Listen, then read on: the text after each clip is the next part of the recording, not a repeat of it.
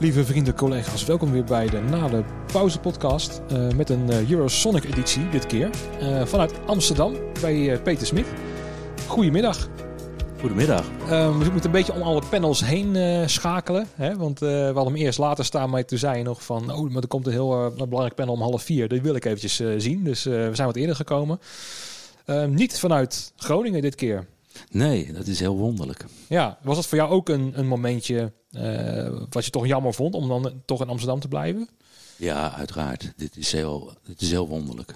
Het is heel wonderlijk. Ja. Maar ja, ik denk dat het verstandig is omdat uh, het natuurlijk heel goed is om heel voorzichtig daar te opereren. En uh, ik denk niet dat ik daar op dit moment een toegevoegde waarde ben.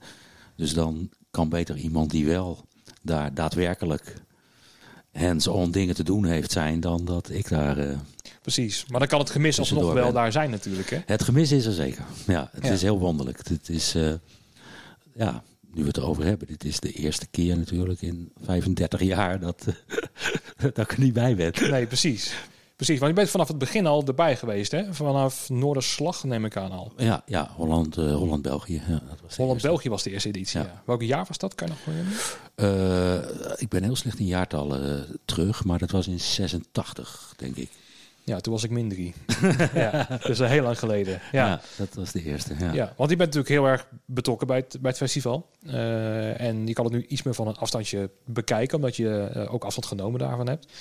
Um, hoe weet je dat nu, nu digitaal is? Je hebt nu uh, wel iets daarvan meegemaakt natuurlijk. En vorig jaar was het ook al een beetje digitaal. Hoe bevalt dat voor jou? Um, nou ja, in principe is het uh, buitengewoon vervelend natuurlijk dat wij niet uh, met z'n allen in Groningen kunnen zijn. Maar ik denk dat ieder voordeel heeft zijn nadeel of zo. Ik weet niet precies hoe die uitdrukking is. dit biedt ook kansen. Eurosonic Noorderslag is een hoop mensen zien het als een festival of een conferentie. Ik zie het uh, eigenlijk als een platform. En uh, een platform wat, wat je ook moet kunnen beleven als je niet per se in Groningen aanwezig bent om uh, een bepaalde act te zien of om een bepaalde discussie te.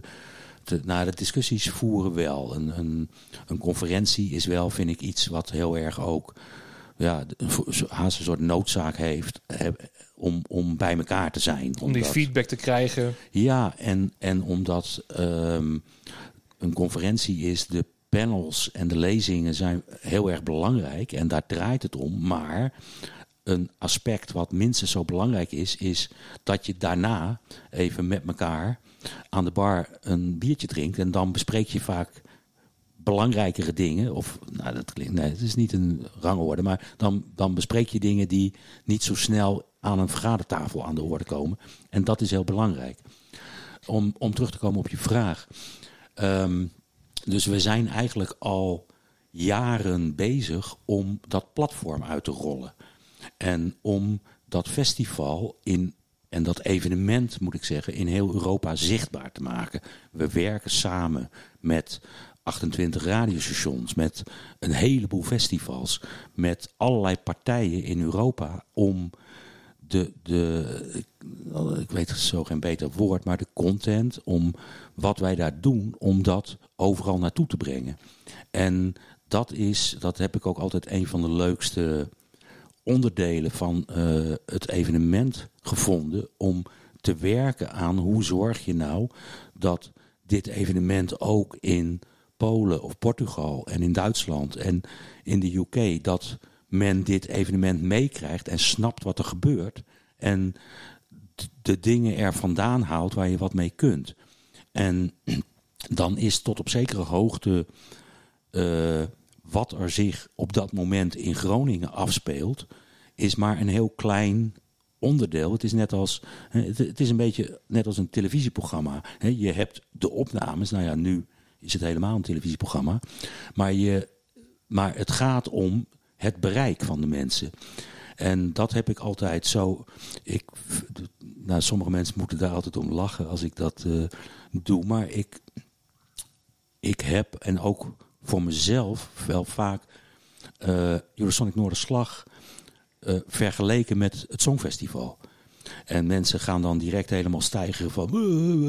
Ja, wat bedoel je ermee? Het, nou, hè, omdat dat wordt dan bekeken aan eh, eh, rare jurken en eh, nou, wat wonderlijke, poeha. ja, wonderlijke dingen. Maar, en ik moet je eerlijk zeggen, ik kijk nooit naar het Songfestival. Maar wat ik heel erg sterk vind aan het Songfestival is... ik ben nog nooit bij het Songfestival geweest en toch krijg ik het mee. En merk ik wat daar gebeurt, of ik dat nou wil of niet. Ja. Dus daar ben ik, dat denk ik van, wauw, dat is super. ja. En wereldwijd ook natuurlijk. Ja, Ja. ja. En nou, met name in Europa. Hè? En ehm, dus dat, daar heb ik altijd toch een beetje, nou ja, loers is niet het juiste woord, maar heb ik gekeken van, wauw, dat is heel boeiend. En zoiets kunnen wij ook met muziek die meer vanuit de muziek zelf komt dan vanuit een jurk of iets gekke gimmick of whatever. Ehm, en dus we zijn daar eigenlijk al jaren mee bezig om dat festival overal te krijgen. En tot op zekere hoogte is het ook zo dat wij meer eh, mensen hebben die ons festival meemaken buiten Nederland dan in Nederland. We, afgelopen jaren zijn we regelmatig live live uitgezonden op BBC One. eh, voor een aantal uren, voor zes, zes uur of zo. En BBC One heeft 8 miljoen luisteraars. Eh, WDR en, de, en ook op televisie het programma Rockpalast besteedt ontzettend veel uren zendtijd aan wat er op Eurosonic Noorderslag gebeurt. Daarmee halen wij veel meer bezoekers, zal ik maar zeggen, dan eh, in een zaal in Groningen of in Groningen zelf of in Nederland. En dat heb ik altijd heel belangrijk gevonden. Los van dat wat er in Groningen gebeurt natuurlijk heel belangrijk is. En dat dat is de kern van het evenement. Maar ik heb altijd gedacht, kijk, je gaat niet... eh, en, je hebt ook diverse lagen daarin. Eh, conferentie is, denk ik, toch een van de belangrijkste dingen binnen ons evenement.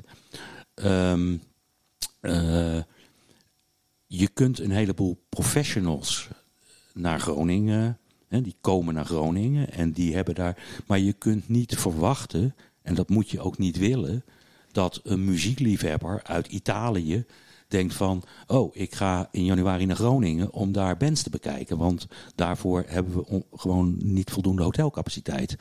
En daarvoor zijn de zalen niet groot genoeg en de charme van het evenement zit ook juist dat het in kleine zalen is en niet in enorme locaties.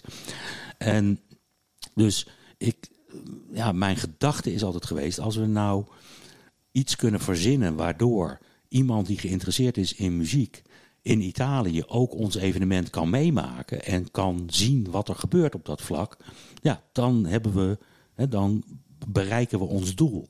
Want het doel is niet per definitie van laten we nou eens een leuk feestje in, eh, om Han de Lima zijn woorden te gebruiken, eh, een leuk feestje in Groningen organiseren. Ons Mhm. doel is, en ik ben daar nou, heel serieus in, ik vind het gewoon heel erg slecht en raar dat als, als ik artiest ben en ik word geboren in Los Angeles of in Londen, dan heb ik de hele wereld als speelterrein. Maar als ik eh, eh, geboren word in Almelo of in, eh, in, in Lissabon, dan moet ik me tevreden stellen met mijn eigen landsgrenzen als publiek. Dat vind ik zonde, Mhm. raar en is slecht. Want als artiest leef je van je publiek. Dus hoe meer publiek, hoe meer geld. Exposure, daar begint het mee natuurlijk. exposure, maar ook hè, letterlijk natuurlijk. eh, op het moment dat hè, die, we komen in eh, steeds, hè, we zijn in een wereld waar op het moment dat jouw muziek beluisterd wordt, dan krijg je daar als je de zaken goed hebt geregeld als artiest ook geld voor. Hè, dus en sowieso geldt in deze business natuurlijk degene met het meeste publiek ja, die haalt het meeste geld op. En daarmee bedoel ik niet van laten we nou eens kijken wie de allerrijkste act kan worden. Maar ik vind het wel dat ehm, muziek is geen hobby. Het is ook een hobby, maar ik vind dat als jij een serieuze muzikant bent, dat je ook de kans moet hebben, en sterker nog, dat het normaal is dat je ook je geld verdient met je kunst. Met je kunstje, of kunst, hoe je dat wil noemen. En dat kun je alleen, je kunt alleen dat geld verdienen als je voldoende publiek hebt. En we hebben de, toch, dat verandert gelukkig een beetje. Ik hoop dat wij daar ook een bijdrage aan hebben kunnen leveren. Maar er is natuurlijk heel lang de situatie geweest dat een Amerikaanse of een Engelse band, die kon heel makkelijk in de wereld overal uh, wat geld ophalen. En dan hoef je niet overal klauwen geld op te halen. Maar als je overal een beetje ophaalt, dan kun je aan het eind toch je huur betalen of je daarmee in je levensonderhoud voorzien.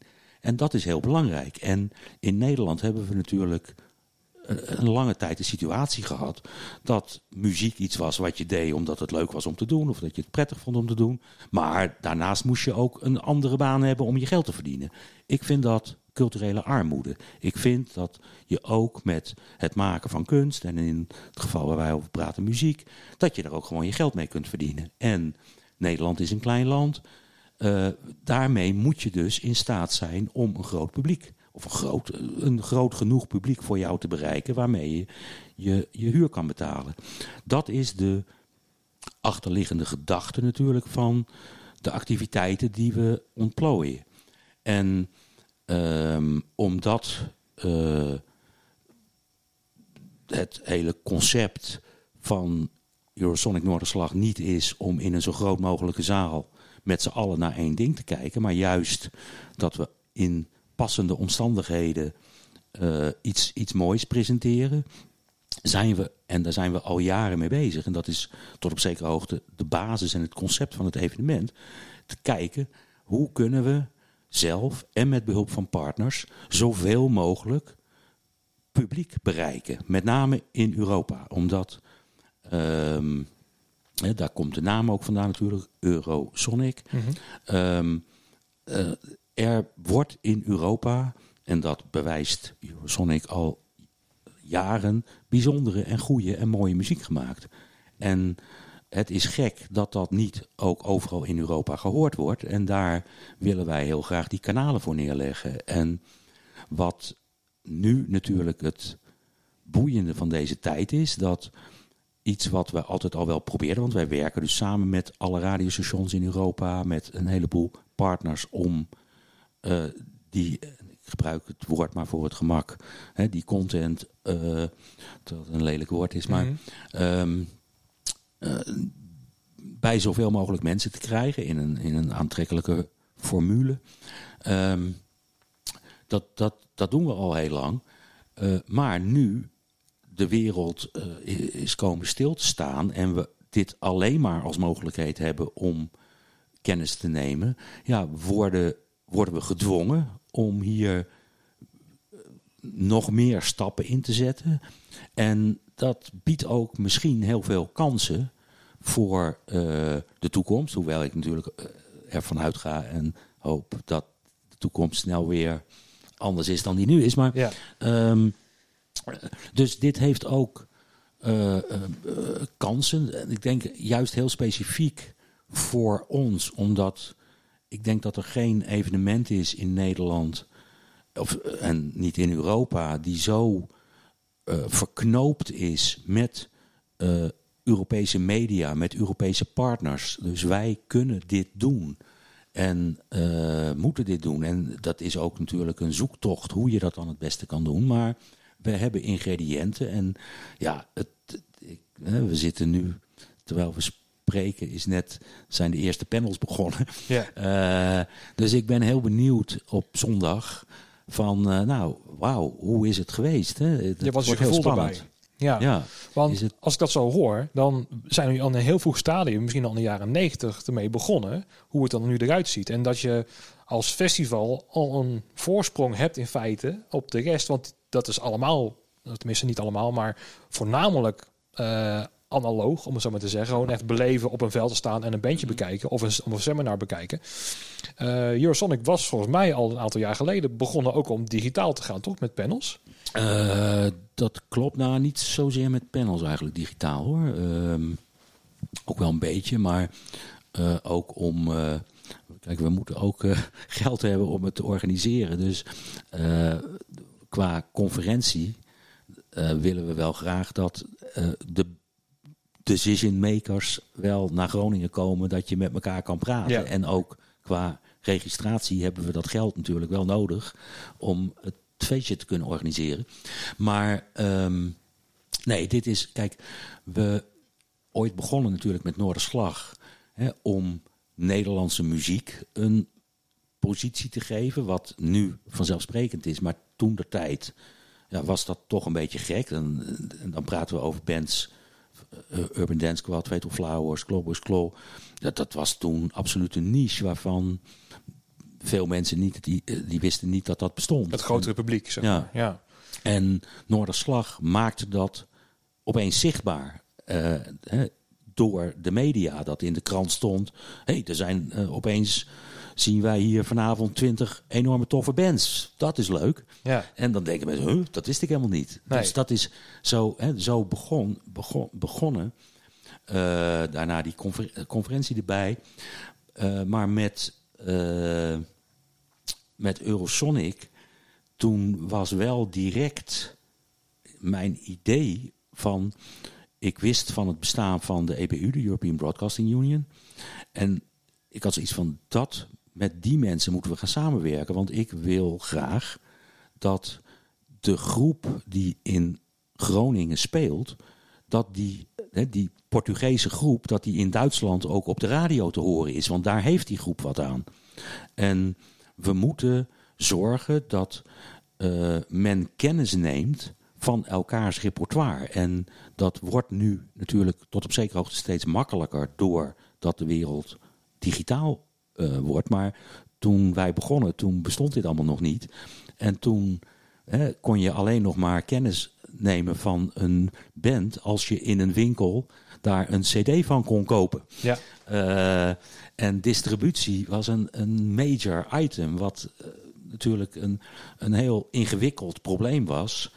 Uh, met name voor, zoals Continental Repertoire, de eerste keynote op uh, de conferentie was van Theo Roos, die in de tijd directeur van Polygram, uh, net directeur van Polygram uh, was geworden, de huidige Universal. En die was daar, had daar, vond ik, en heeft nog steeds, neem ik aan, had daar hele goede ideeën over. Omdat hij zei van ja, wij moeten als Europese landen veel meer met continental repertoire gaan werken. En dat was eigenlijk de meeste mensen vonden dat heel gek. die hadden zoiets van, ja maar hallo, uh, wij doen toch gewoon... en dat geldt voor zowel voor platenmaatschappijen, maar ook voor promotors. een, een, promotor in Nederland, wat, wat was je werk? Het zoveel mogelijk shows van een Amerikaanse of een Engelse band regelen. Maar je ging toch niet met een Nederlandse band proberen in Duitsland iets te doen. Of laat staan een band uit Portugal iets mee te doen. Dat, nee. dat zit niet, of ja, dat zat niet in het systeem. En uh, in onze business moet je systemen hebben waar langs mensen kunnen werken, waar langs artiesten kunnen reizen. En binnen zo'n heel systeem moeten mensen uh, in staat zijn om geld te verdienen.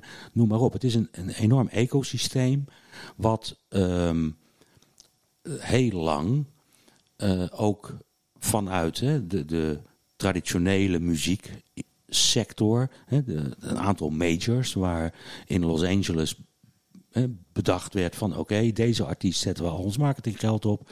En daar moet iedereen in al die landen op werken om deze artiest in hun land wereldberoemd te maken. Ja, om een schappen te leggen van een show. Ja, ja. Hè, dat is een heel efficiënt systeem. Uh, Coca-Cola, het is veel makkelijker om overal Coca-Cola te verkopen dan in ieder land uh, allerlei verschillende exotische drankjes uit andere landen. Dus vanuit een, een effectief business perspectief is dat super uh, smart en super doable. Maar voor artiesten in Europa is dit een soort deadlock van oké, ik heb dus geen kans. Ik heb dus geen mogelijkheden. En voor publiek vind ik het ook een beetje, uh, ja, is, het, is het een soort sneu. Hè, dat je, je mist een heleboel repertoire. Je kent alleen maar dat Amerikaanse of dat Engelse repertoire. En je hebt geen idee wat voor liedjes uh,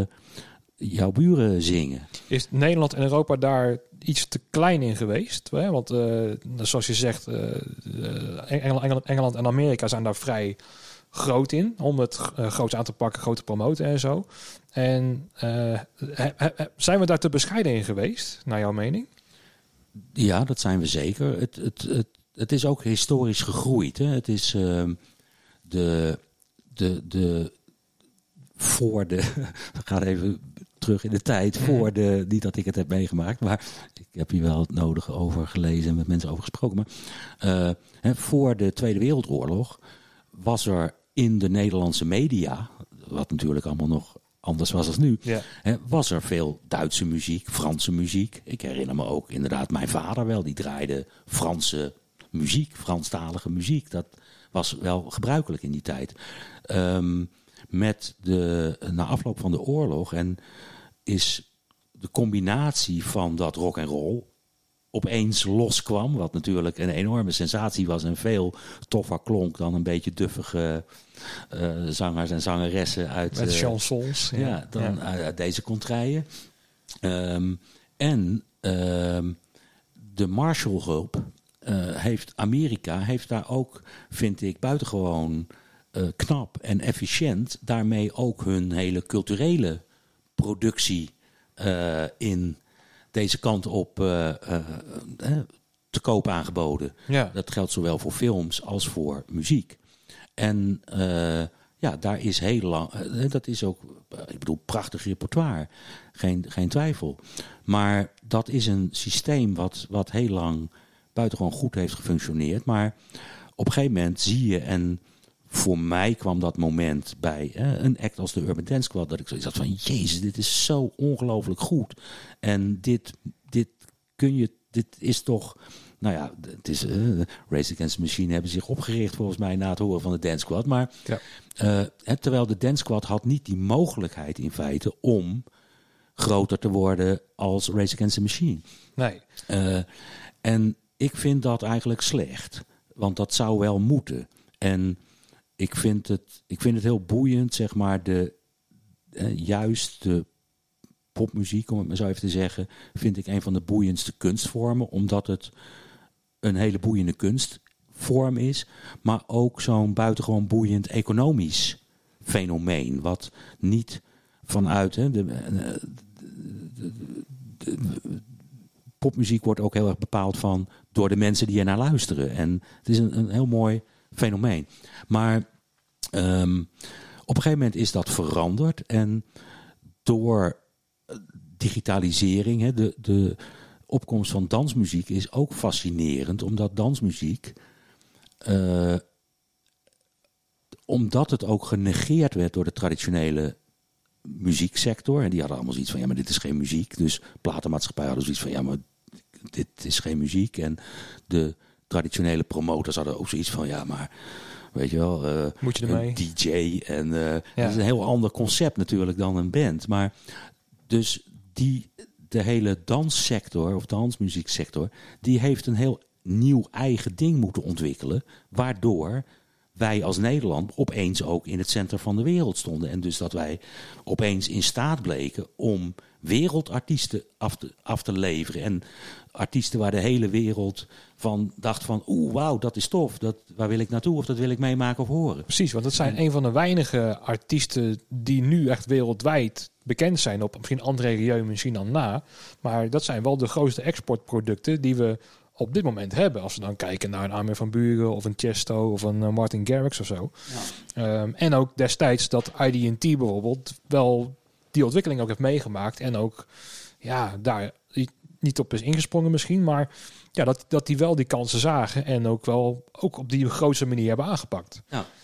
En dat, ik vind dat heel erg boeiend. Om, omdat hè, wij zijn in de gelukkige omstandigheden dat we dat hebben meegemaakt daadwerkelijk. Uh, maar ik vind het buitengewoon boeiend om te zien. Het laat ook zien dat dingen kunnen veranderen.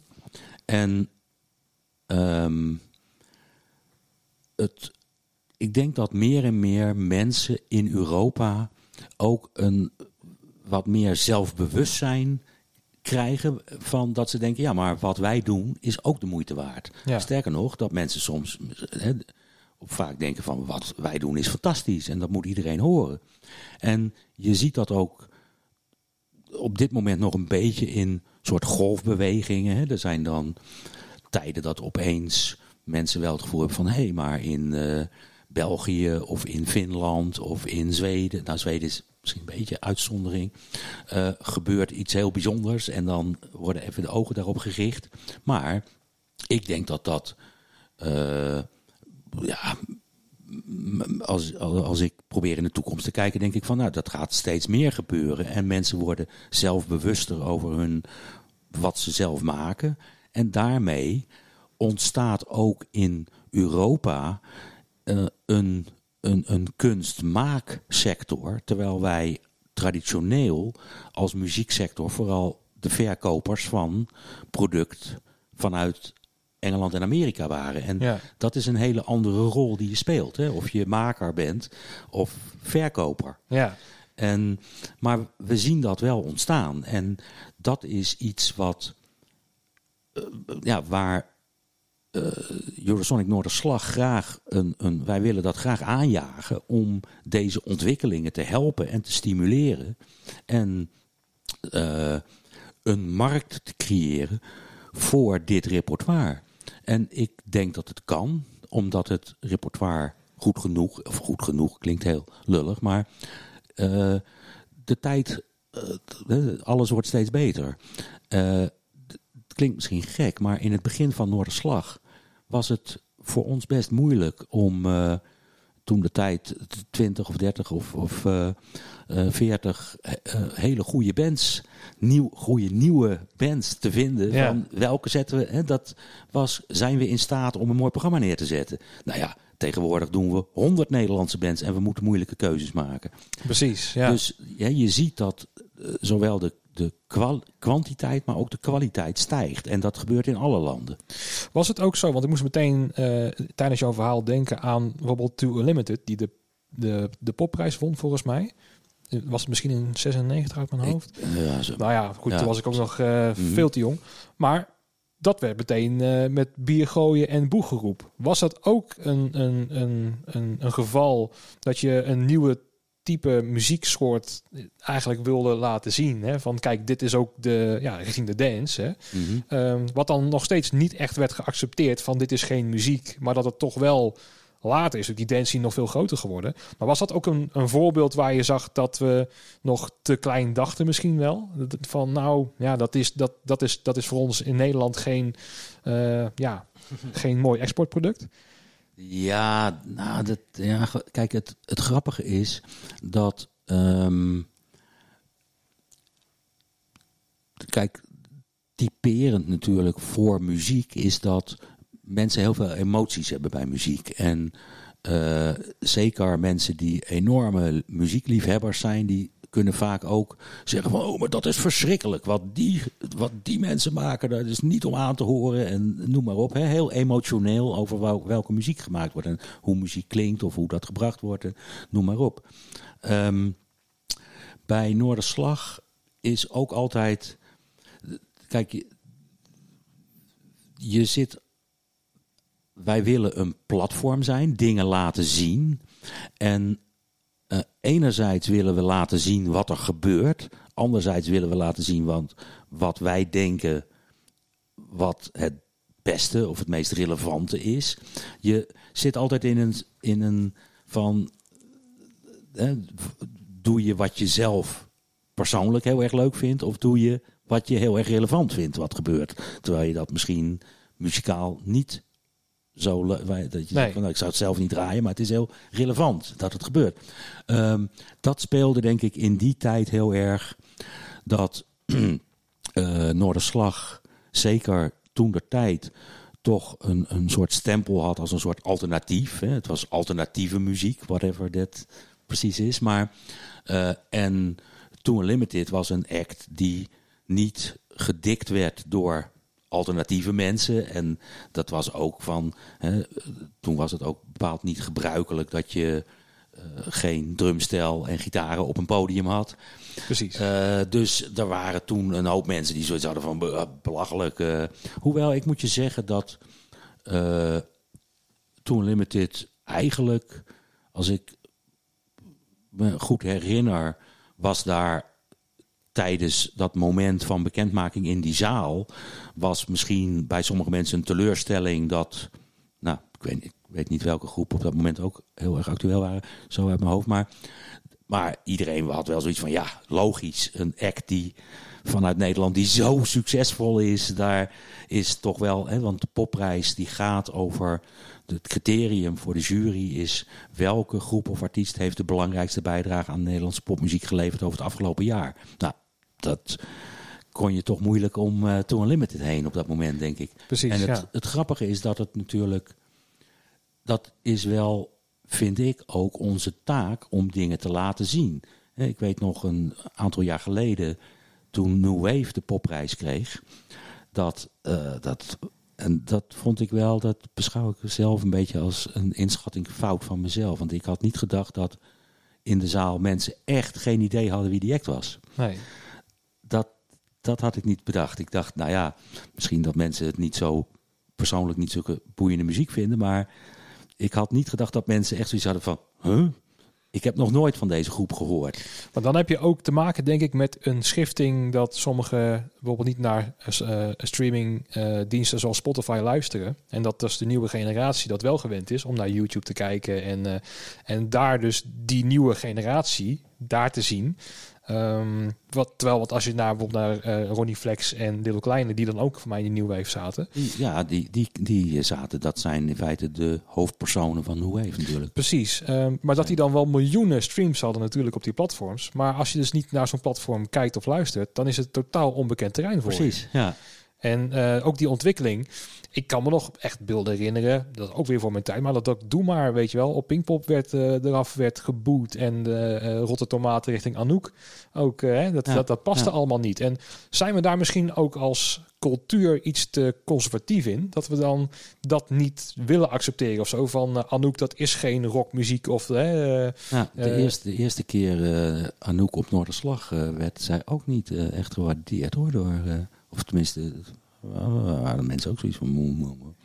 Um, ja, nee, dat, ik, ja, het is misschien, maar goed, dit klinkt wel heel vervelend, maar we zijn in Nederland dat misschien wel een beetje, hè, dat we heel erg zoals je kerkgenootschappen hebt, hè, dat je allemaal in je eigen vakje zit en dit is goed en iets wat in een ander vakje gebeurt, daar dat is niet goed of daar, dat vinden we niet leuk, daar houden we niet van. En dat, dat is natuurlijk, tegelijkertijd is dat ook leuk. Hè? Dat, je kunt ook zeggen, oh, dat zijn scenes. Maar ik denk dat we, dat we eigenlijk op dit moment in een tijd zitten waarin mensen toch veel open-mindeder worden en uh, denken van, ja, uh, goh, wat boeiend dat het gebeurt. En uh, je hoeft niet, en zo zie ik in ieder geval ook een, een evenement als Eurosonic Noorderslag. Je hoeft niet, iedere act hoeft niet jouw smaak te zijn of hoef jij niet leuk te vinden. Wij willen graag laten zien wat er gebeurt. En dan kun je je eigen keuze maken van, hé, hey, maar dit vind ik dan heel erg tof om een uh, drie kwartier naar te gaan kijken of luisteren. Precies, ja. Want in Billie Eilish bijvoorbeeld is ook weer een, net even een nieuwe stijl die wordt binnengebracht. Wat sommige misschien niet generaties, maar sommige mensen ook helemaal niet snappen. Die muziek, terwijl het dan wel op Lowlands op de Alfa ineens staat. En ja. ook echt uitverkocht. Ja. Weet je wel, dat het gewoon een veld vol staat. Maar, maar ja, dat, Is, dat is natuurlijk het leuke ook van... En wederom weer waarom uh, uh, muziek zo, en popmuziek zo tof is. Wij, wij zijn natuurlijk de mensen die meemaken dat deze kunstvorm volwassen wordt. En ja, of je tegenwoordig, of je nou 80 bent of 8 bent, je hebt iets met deze muziek. Alleen sommige mensen van 80 vinden misschien andere muziek weer leuk als mensen van 8. Maar ja, dat, zie je ook natuurlijk. Hè, dat bijvoorbeeld um, ja, uit de jaren 60, 70, de Jimi Hendrix tijd, hè, de Stones. Uh, als je daarvan houdt, ja, dan is er tegenwoordig op rockgebied zeer weinig te vinden. Dan zie je misschien nog een Kensington, maar echt, of een The Wolf bijvoorbeeld, hè, die heeft dan wel een beetje die sound. Maar dat is dan toch uit een bepaald tijdperk of zo, snap je? En Ja, maar tegelijkertijd heb ik het gevoel dat er zoveel gebeurt. Hè? En in alle stijlen. Je kunt nu zo diep gaan. En je kunt overal. Ik, ik denk dat we in hele boeiende tijden leven. waarin op er zoveel gebeurt. En alle, in alle niches en in alle. Er gebeurt van alles. En je ziet ook altijd voortdurend dat mensen. eh, hè, dat een tijdje. eh, die, die stromingen die gaan natuurlijk ook tot op zekere hoogte eh, sneller en sneller. In de zin van dat het publiek toch, en dat heeft denk ik toch ook wel te maken met eh, de manier van muziekconsumptie. Dat mensen toch iedere keer weer iets nieuws willen. En daar kun je heel lang over discussiëren van hè, wat is dan de waarde van muziek. Hè, hoe, je, hoe beleef jij muziek als je ja, daar, daar vluchtig kennis van neemt en dan weer naar een iets anders gaat. Ja. Dat, nou ja, dat, is een. eh, Nou, wat ik wel interessant vind, is dat ik heb wel het idee dat eh, het, het wordt eerlijker. Dus stel nou, eh, een artiest die wordt ineens miljoenen keer bekeken op YouTube bijvoorbeeld. Dat is gewoon niet te ontkennen. Daar is dus vraag naar. Dus iedereen kan iets posten op, op, eh, op welk platform dan ook. En vroeger had je nog zo dat platenmaatschappijen je konden sturen met dit staat vooraan bij de platenwinkel. En die artiest waar je niet in geloofde, die, er was niet eens een cd van. Terwijl als jij of ik hier met een gitaar zit en je brengt wat uit, dat je zet op YouTube en het heeft ineens miljoenen views, is dat gewoon een eerlijk publiek die dat mooi gewoon mooi vindt. Dus misschien dat je ook daar wel een leveling in krijgt, dat je nu wel een eerlijkere, eh, marktconform ja, mening krijgt van het publiek, die eerlijk zegt, dat vinden we leuk en daar kijken we naar. Zonder dat daar een, een, een, een, ja, een, een promotie achter zit of zo. Natuurlijk zit, zal het altijd wel van invloed zijn. Alleen ja, je kan gewoon al, je kan letterlijk hier zitten en het uitbrengen. En als mensen het mooi vinden, wordt het gewoon bekeken. Ja, in, in, in theorie is dat absoluut het geval. En dat is de beauty of, van deze tijd. Eh, nou is het natuurlijk niet zo dat als wij vandaag een liedje maken en dat op YouTube zetten, dan ver- verdrinken wij in de enorme hoeveelheid muziek die, hè, of op wat, wat voor platform dan ook. Hè, en eh, het gaat nog steeds om marketing. En Tuurlijk. Hè, hoe, hoe zorg je dat een, een artiest bij mensen hun oren komt? En dat gebeurt toch niet eh, toevallig eh, over het algemeen. Hè? Nee, en dat precies. is, dat is natuurlijk de huidige muziekbusiness, zal ik maar zeggen. Ja, als ik het dan eventjes betrek op mij persoonlijk, want ik ben geen artiest, dus ik weet dat niet. Maar bijvoorbeeld wel met zo'n podcast. Ehm, je ziet wel dat de top van de podcasters zijn wel bekende Nederlanders. Dus als je een Giel Belen hebt of een, een Domien Verschuren of zo. En die komen dan wel echt meteen hoog aan de lijst te staan bij de mensen, omdat ze ook die mensen kennen. Mensen kennen mij niet. En dan merk je toch inderdaad dat marketing, omdat je eigen eh, ja, naam of merk hè, eh, bekend staat bij het publiek, dat helpt zeker. Dat wel, maar ik ben er wel van overtuigd dat als je kwaliteit echt, echt heel groot is, echt goed is, en je brengt het wel uit op YouTube, en eh dat gaat van mond op mond, hè, van oh, dit, is zo, dit is zo fantastisch, dan gaat het ook lopen als een vuurtje, denk ik. Ehm, ja, eh, dit is een hele boeiende discussie waar we denk ik eh, minstens een uur over kunnen Ja, ja, ja. In, in, in theorie ja, in de praktijk is natuurlijk het. Hè, wij, eh, maar goed, ik ben geen expert op dit vlak. Maar in, er zijn mensen natuurlijk. In de digitale wereld is een soort winner takes all. Hè, we hebben ook niet 100 Googles. Er is maar één Google. Ja. En eh, in de artiestenwereld is dat tot op zekere hoogte ook zo. Dat eh, een soort winner takes all principe. Omdat je ook als publiek, je kunt maar naar één liedje tegelijkertijd luisteren. Ja, dat is zo. Maar stel nou, hè, dat is dan weer mijn gedachte weer. Maar dat, stel dat, dat een, een hoofdartiest, dat die ineens, of de, de, de zanger van, hetzelfde Dave Grohl of zo, die ziet ineens, wat zit er gewoon op internet of zo, van, oh, dat is leuk. Die kan, heeft wel de macht om te zeggen, jij gaat in mijn voorprogramma. Weet je wel, dat kan hij wel bepalen. Dus er zijn wel manieren, denk ik, om daar uit te komen. Ehm, en dat vind ik wel het mooie van, ja, de soort van de, de ja, ik noem het dan een soort van de vrije media of zo, het internet. Want dit is gewoon, het maakt wat eerlijker, denk ik. En natuurlijk heb je altijd dat één ding eh, of één band of zo, eh, of één partij. Bijvoorbeeld, je hebt Universal, je hebt Sony en eh, de, de, de grotere platenmaatschappijen. Waar je natuurlijk ook niet zo goed tegen kan concurreren als je heel groot wil worden. Maar ik, ik zie wel dat er. Vroeger was het wel, denk ik, dat je muziek moest je echt uitbrengen bij een platenmaatschappij. Anders werd ineens een, een cd van je gedrukt. Maar nu kan je het gewoon letterlijk naar buiten brengen met goede kwaliteit, met zelf investeringen in goede microfoons, met een goede camera. Um, dus als je, uh, het voelt juist als een tijd voor mij dat, dat als je een, een expressie hebt van welke kunstvorm dan ook, Stel je wilt ook uh, ja, een, een, een, kunstwerk verkopen of zo. Dan kan je eigen Instagram pagina aanmaken met al jouw mooie kunst. En als dat dus heel mooi eruit ziet, wordt het vanzelf wel opgepikt. Dat is misschien bij mij een naïeve idee, maar ik vind het wel iets moois hebben van deze tijd. Dit, dit heeft ook iets heel moois. En dat, zijn ook, dat is de vooruitgang en het positieve van deze tijd. Tegelijkertijd, en dan kom ik gelijk even negatief door de bocht. Uh, is het volgens mij helaas in de praktijk niet zo dat automatisch de allermooiste dingen uh, boven komen drijven.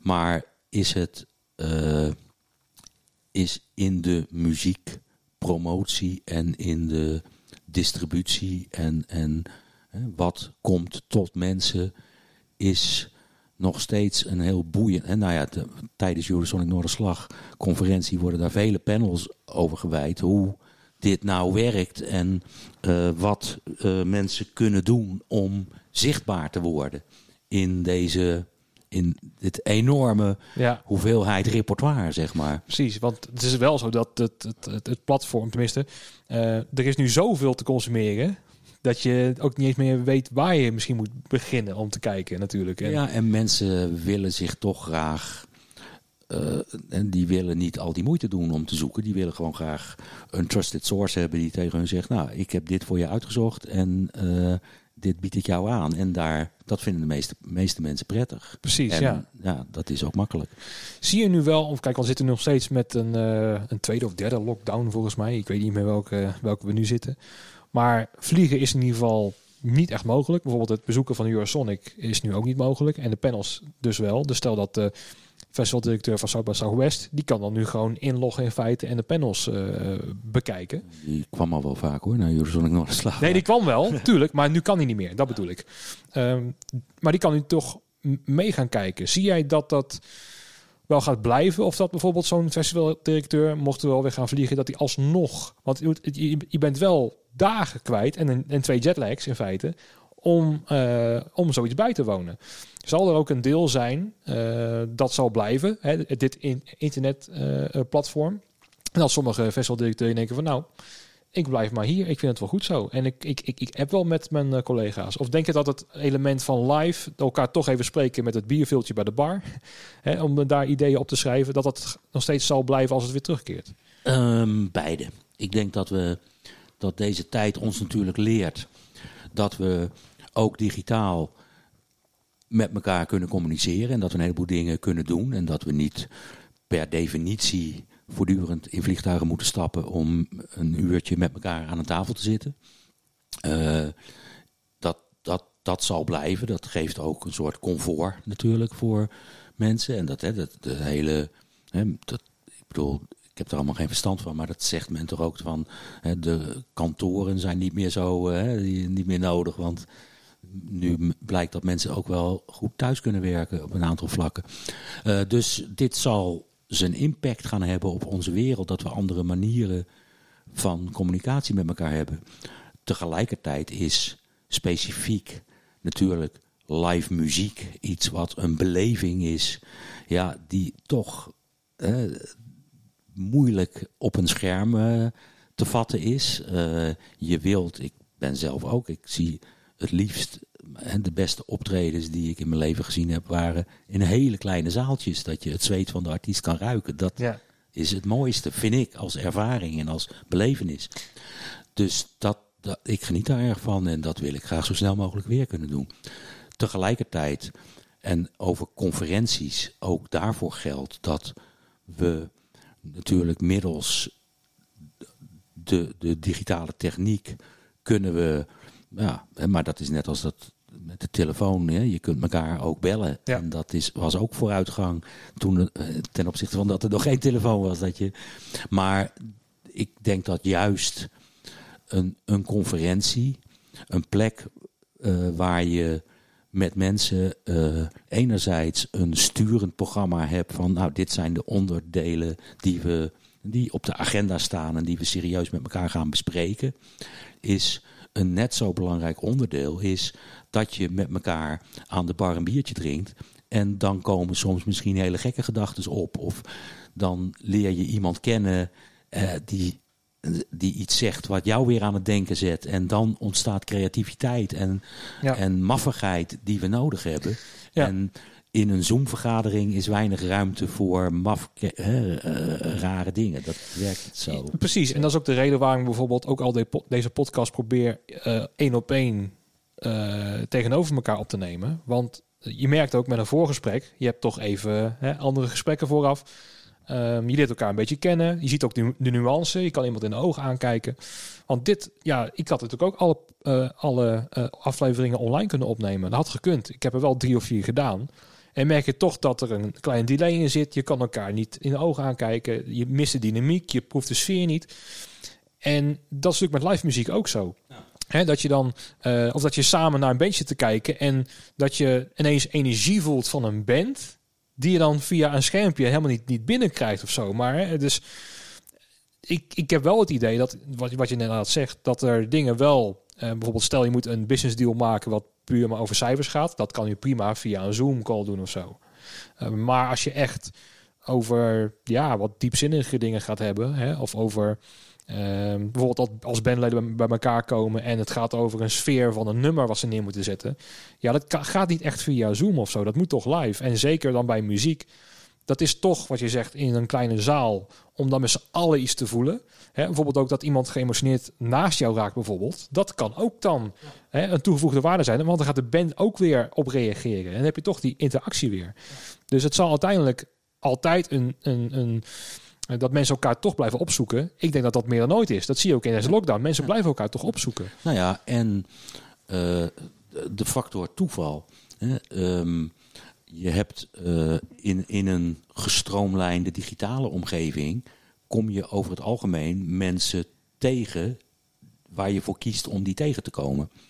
En eh, het aardige van een conferentie zoals Eurosonic Noorderslag... is dat je ook onverwachts tegen iemand aan kan lopen Ja, die je helemaal niet kent. Of waar je misschien nooit had gedacht dat je iets met elkaar kon of een boeiend gesprek kon voeren. En opeens, je komt iemand tegen en je hebt een, een, een, een gesprek over en iets ontwikkelt zich. Er ontstaan nieuwe dingen, er ontstaan plannen en Ja. noem maar op. En dat is het, het, het leuke en het belangrijke, denk ik, van dat je zo af en toe met elkaar als sector bij elkaar moet kruipen om eh, met elkaar te praten. Daar ontstaat weer iets wat anders niet had kunnen ontstaan. Denk ik. precies. Nee, ik moet meteen aan een, aan een voorbeeld eh, eh, denken. Dat bijvoorbeeld eh, Peter van der Geer, misschien ken je hem wel. Ja. Daar heb ik in feite niet zoveel mee te maken, zakelijk gezien. Dus we zijn wel op festivals aanwezig en zo. Maar ik, we hebben elke keer weer, dat is ook weer op, op zoveel evenementen, van, dan komen we elkaar weer tegen. Ben jij, we in Antwerpen aan het werk van, oh, ben jij ook hier? En ik kom elke keer weer overal tegen, per ongeluk. En dat vind ik toch wel weer leuk. Van, verdomme, zie ik je nou weer? De tweede of derde keer deze week. Ehm, terwijl je niks met elkaar te maken hebt. Maar dan krijg je toch een soort van band met iemand die je normaal gesproken nooit zou hebben. Tegelijkertijd, en dat is, ik moet je een compliment geven voor eh, deze podcast die je maakt. Want dit brengt ook wel, vind ik, heel veel moois naar boven. Eh, de, de, het gesprek wat je had met Kees Heegstra ja, was, was prachtig en heel mooi. En ik ken Kees al 100 jaar.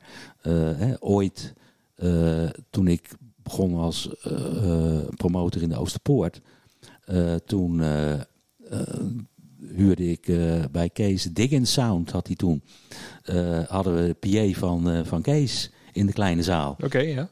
En dus ik ken Kees al heel lang. Hij werkt ook altijd wel bij, eh bij Eurosonic Noorderslag. Maar dan heb je gewoon een hele functionele Relatie. relatie met elkaar. Ja. Van, eh, hè, je belt hem van hoe laat, eh, oh, zo laat komt, het- komt het beetje binnen. Of nou ja, wat, wat voor Gewoon dingen je ook, zaken. Ja. ook te bespreken hebt. En ik vond het ontzettend. ik heb echt genoten van het gesprek met hem over zijn gedachten over hè, de, de productiewerk en hoe je dat doet en hoe je met elkaar samenwerkt. En dat vond ik echt prachtig en heel waardevol om een keer ruim de tijd te hebben om te luisteren naar iemands visie op het werk. Dat- Precies. Dat je, dat je denkt van, goh, wat leuk dat je, dat je dus zo in, in het werk staat en in het leven staat. Ja, en dat, er heel een, mooi. en dat er een diepgang bij hem erin zit. Hè? Want hij komt met heel veel mooie verhalen op Facebook ineens langs. En eh, terwijl inderdaad bij een normaal gesprek bij hem zou je dat helemaal niet hebben ontdekt of zo. Dus bij bijvoorbeeld Kees komt er ook iets naar boven hè, eh, Mhm. bij hem. Want hij zei ook in de podcast, hij heeft heel veel moeite met dingen opschrijven. Maar hij doet het wel. En als hij het doet, doet hij het ook heel goed. En dat zie je ook. Ja. En dat vind ik ook het mooie in deze tijd. Dat er heel veel ne- negatieve dingen gebeuren. Hè? Dus ehm, ja, ik word ook voor het blok gezet ineens met mijn bedrijf. Van nou, eh, leuk hè, in de ent- entertainmentbranche werken. Maar er komen ook weer andere dingen naar boven die ook mooi kunnen zijn. Zoals een Kees Heestra met al zijn verhalen. Ja. En ehm, het, is, het is een uitdagende tijd. Hè? Ja. Nou ja, het, het, het mooie vind ik eh, hieraan dat eh, normaal gesproken, denk ik, en dan praat ik even in general, eh, heb je het over het algemeen nooit over de achterkant van een productie. Dat, hè, dat is iets wat er is, bij wijze van spreken. Ja. En waar, eh, maar het is heel, ja, nu, bedoel, vroeger hadden we het allemaal enorm druk. En had je ook geen tijd om eindeloze bespiegelingen en eh, Nee. over dingen na te denken. Want je moest door Ja, en ja. knallen en hoppa. Maar ehm, ik vind het dus heel erg mooi dat, ehm, want de, we hadden het net even over artiesten en, en die kant van de business. Maar de, ja, om het maar zo even te zeggen, de productiebusiness of de, is, vind ik, een heel mooi ding. Hè, een, eh, en heel cruciaal en heel belangrijk. Kees raakte dat ook wel in zijn gesprek. En dat vond ik heel mooi. Het is een cultuur op zich. Ja, maar het is ook een kunst op zich. Ehm, hè, ik zal nooit vergeten, eh, toen wij Noorderslag, wij deden Noorderslag. En ik wou eigenlijk graag, ik dacht een conferentie, want er kwamen veel mensen uit de business. Die praten met elkaar. En dat was toen nog relatief weinig, hè, met name wat managers en wat boekers, wat zalen. Maar dan stond je aan de bar te praten terwijl er een bandje aan het spelen was. Dat is niet de beste omstandigheid. Dus ik dacht van, ja, als we nou gewoon een, een conferentie of seminar, eh, noemden we toen, organiseren, dat je gewoon rustig overdag met elkaar over dit soort dingen kan praten, waar we het aan de bar over hadden. Eh, dus ik dacht van, dat zou tof zijn. En Han die deed toen de productie voor Noorderslag. En ik zei tegen Han van, god, dat, is, zo- dat zou wel tof zijn. Kunnen we niet overdag dan een conferentie doen? En Han zei, laat me even rekenen. Nou, je kent Han, altijd erg sterk in de spreadsheet, zou ik maar zeggen. Ja. Ehm, en Han komt terug, ja, moet kunnen. En dat was eigenlijk, eh, ik werd voor, mensen hadden echt zoiets van, Peter, je bent gek geworden. Want wij hadden toen het idee, we doen een enorme productie in de Oosterpoort. Hè? Eh, hoeveel bands hadden we toen? Ik denk eh 30 of zo. Of, misschien- weet het aantal niet meer, maar zoiets. Hè, van we doen 30 bands op één avond. Dat vonden we enorm veel in die zalen. Ja. Dat was echt een mega ding. Ja. En ja, je kunt toch niet in de opbouw van ons dit enorme evenement eventjes een conferentie gaan doen. En zo van, nou, zou moeten kunnen. En zonder Han was dit gewoon niet gelukt. Je moet mensen hebben die zeggen, die daar inderdaad met verstand van zaken naar kijken. Die zeggen, ja, dit kan als we dit en dat en als we deze bouw zo. En Ja. eh, Ehm, ja, we kunnen misschien nog even een pauze inlassen, Ja. inderdaad. Ja. ja, Nee, eh, doe je ding. Ja, ik Ja. zal even uitleggen wat er nu gebeurt. Maar eh, nee, doe je ding, eh, Peter. Ik lul hem wel vol. gewoon een pakje of zo voor de Ja, dat geeft niks. Nee, we zitten ook midden in Amsterdam eh, eh, op drie hoog. Hier zo. En eh, ja, Peter wordt alleen, dus moet alles hier zelf doen. Wat was er, eh, Peter? Was het een pakketje? Inderdaad, iemand die een pakje wou bezorgen voor de buren en die dacht dat hij op de bel van de buren had gedrukt. Oh, nou ja, goed. eh, kan gebeuren, toch? Ja, geen Nou, probleem. ik heb het even volgeluld, maar... eh, nee, we hadden het even over Han inderdaad en over... eh, Ja, en, en wat dus het mooie is, en dat, dat geldt sterk voor Eurosonic Noorderslag, maar voor veel meer evenementen, denk ik. eh, dat was dat. Was dat Kees die dat. Nou, maakt ook niet uit. Ehm, zo belangrijk dat dus iemand met visie en verstand zegt van hé, hey, maar als we het zo doen en als we even uithijgen ja, ja, ja. van de trap op en neer Rustig aan. rennen naar de bel. Ehm, ehm, dan, dan kan dit. En daarmee kun je dus een aantal dingen ontwikkelen en neerzetten. Net zoals in het begin van Noorderslag. eh, wat ik heel belangrijk vond, was eh, dat je steeds twee keuzes had. En dat een band op tijd begon en op tijd eindigde. Dat was in die tijd nog niet vanzelfsprekend. Dan was een, een aanvangstijd van een concert was een beetje troebel. Hè? Ja. Dat kon eh, zeker in die tijd in Groningen, in Vera. Hè, op de poster stond aanvang 10 uur. En nou, meestal begon het om half één. Ja, Eh. precies. Ja. Ja, dat, dat zou je tegenwoordig is dat denk ik niet meer zo te organiseren inderdaad. Ja, want nu Nee. wordt er schande van gesproken als er een, een Justin Bieber bijvoorbeeld een uur te laat komt in de Gelredome terwijl al die kinderen nog met de trein naar huis moeten. Ja. Ja, En wij zijn ontzettend, en dat heeft heel veel voordelen, ontzettend geprofessionaliseerd. Ehm, soms, ja, eh, ja, moet je ook met weemoed denk je aan die maffe dingen van toen het nog minder georganiseerd was. Maar ehm, het, het, eh, productie is eh, natuurlijk een kunst aan zich die eh, zo'n wezenlijk onderdeel is van de, de artiestenproductie die er staat in, in alle opzichten. Ehm, hè, om terug te komen op die begin van Noorderslag en die begin- en eindtijden, die, die best lastig waren voor in die tijd voor mensen om daarmee te werken. Zowel eh, stage managers, die ze hadden van ja, maar ja, het bandje is nog niet klaar of eh, noem maar op. Hè, dat, nee. eh, en ex die zoiets hadden van, wat de fuck is dit, weet je wel. Ehm, maar op dat moment was het voor ons van groot belang. Zeker toen we op een gegeven moment live live radio gingen doen. En er overspraak is tussen de grote zaal en de foyer. En je dus niet een act kan uitzenden eh, in de eh, foyer als er in de, of andersom, in, in de grote zaal nog. eh, ik kan me herinneren dat de Sirens bijvoorbeeld, hè, een beetje gevoelige muziek in die tijd, die in de grote zaal, en die konden echt niet spelen als in de foyer ook een band speelde. Dus dat moest op tijd ophouden. Precies, Dat ja. betekent dat je dat van tevoren ook helder met iedereen moet doorspreken, dat dat ook zo gaat werken. En ik weet ook nog wel dat in die tijd was communicatie ook een gebrekkig dingetje. Dat ik zat in wat we dan de Groene Kamer noemen.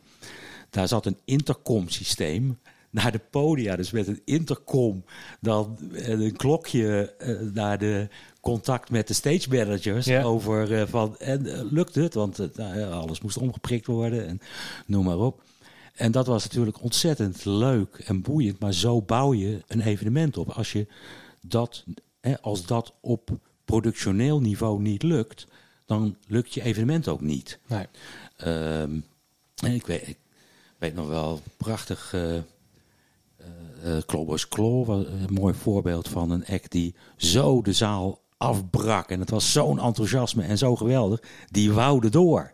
Iedereen wou door. Ja. De zaal wou dat ze doorgingen. De band wou door. Het was feest. Het was een triomf. En eh, Hubert was toen stage manager in de grote zaal. En ik stond aan de ene kant, hij aan de andere kant. En Hubert zo. En ik, ja. En Hubert met gevaar voor eigen leven, weet je wel. De Ja. monitors lostrekken en zo. Ja. eh, en iedereen haatte hem natuurlijk. Ja, precies. Eh, ja. Maar ja, dat moet. Tijd is tijd soms. Ja, ja precies. En, en eh, ja, dat zijn mooie, mooie dingen, vind ik. En dat is de, de, hè, het leuke is, en daarom denk ik ook dat we Eurosonic Noorderslag hier in Nederland kunnen doen. Dit kan niet in veel andere landen, omdat wij in Nederland de kwaliteit hebben van mensen om dit soort dingen te doen. Te produceren, ja. Te produceren. Wij, hè, ook met, uh, ik, ik, we begonnen met uh, de live live uitzendingen en de opnames met de EBU. Hè. We hebben dan uh, OB-vans, opnamewagens, komen ook vanuit meerdere landen. Vanuit Duitsland, vanuit Zweden.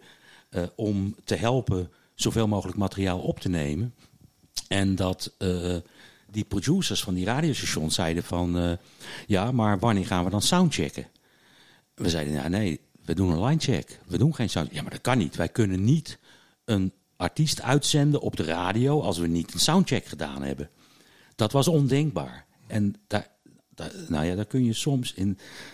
Hadden we echt langdurig ruzie. Oh, hè, ruzie is een groot woord. Mhm. Maar de, de, de hele zaak stagneerde. Omdat mensen zeiden: ja, maar dat kan zo niet. Hè. Zo ga je niet met eh, muziek om. En, eh, eh, terwijl voor ons was dat vanzelfsprekend. En dat kwam door de kwaliteit van AMCO. Van werken, ja.